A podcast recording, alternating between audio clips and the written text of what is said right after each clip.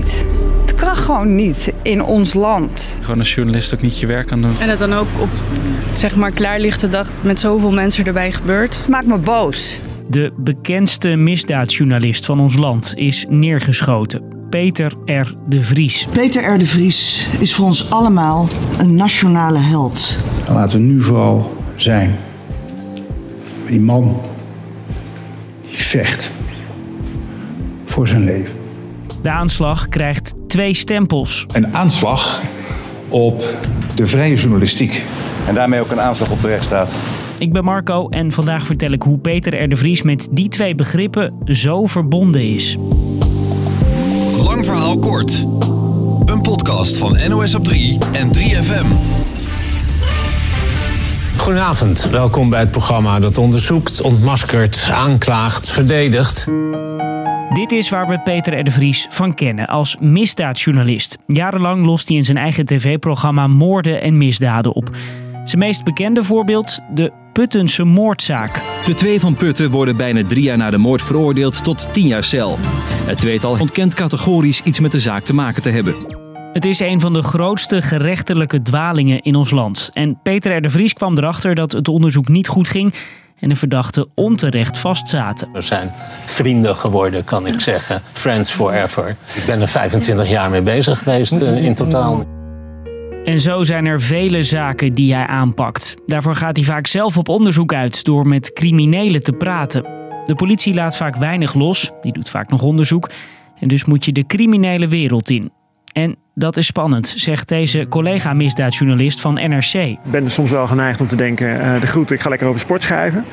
Maar tegelijkertijd is het ook zoiets van, ja jongens, kom, ik bepaal uiteindelijk zelf wat ik doe. En dat laat ik niet afhangen van iemand met een pistool. Misdaadverslaggevers worden vaak bedreigd. Ik haal je fucking kop er nog eerder af, imbeciel. Soms zelfs met de dood. Ik ben door allerlei, door allerlei mensen opgebeld en bedreigd. Vanaf dag 1 ben ik vol, vol door gaan schrijven. We hebben gezamenlijk ook wel uh, besloten, wij gaan door. Wij gaan gewoon door met ons werk. En er zijn journalisten die worden beveiligd door de staat vanwege die dreigingen. Wie precies is geheim, al zegt John van der Heuvel wel dat hij beveiliging heeft. Zij staan letterlijk in de frontlinie. Op het moment dat er hier iets misgaat, dat er iets gegooid wordt of dat er geschoten wordt, zij vangen letterlijk de kogels op. Peter R. de Vries wil geen beveiliging vanuit de staat. Dan kan ik niet meer ergens in een programma zitten en de politie en justitie de maat nemen als ik zelf wegduik omdat het misschien een beetje te gevaarlijk wordt. Logisch dus dat een aanslag op de journalist Peter R. Vries meteen gezien wordt als een aanslag op de vrije pers. Maar het gaat dus ook over een aanslag op de rechtsstaat. Waarom? De laatste jaren is Peter R. Vries veel meer geworden dan misdaadjournalist. Hij wordt ook woordvoerder van nabestaanden bij zaken die hem aan het hart gaan. Bijvoorbeeld in de zaak Nicky Verstappen. Het jongetje dat 20 jaar geleden dood werd gevonden op de hei in Limburg. Zorg dat hij wordt gepakt voor Nicky. Als we jou niet hadden gehad, zou het onderzoek al 19 jaar stil hebben gelegen. Al die jaren. Dan stond jij dag en dag voor ons klaar. En niet alleen nabestaanden staat hij bij. Ook is Peter R. de Vries sinds vorig jaar de vertrouwenspersoon van Nabil B. In een van de grootste Nederlandse drugszaken ooit de zaak tegen Ridouan Taghi. Nabil is de kroongetuige in het proces tegen de zogenoemde Mokro-maffia. Wiersum was de advocaat van kroongetuige Nabil B. Hij werd vanochtend voor zijn huis in Amsterdam neergeschoten. Zijn eerste advocaat is natuurlijk vermoord, zijn broer is vermoord. Er staan in dit proces 17 verdachten terecht. Hoofdverdachte is natuurlijk Ridouan Taghi. En in die zaak is Peter R. de Vries dus vertrouwenspersoon. Ik ben 40 jaar misdaadverslaggever.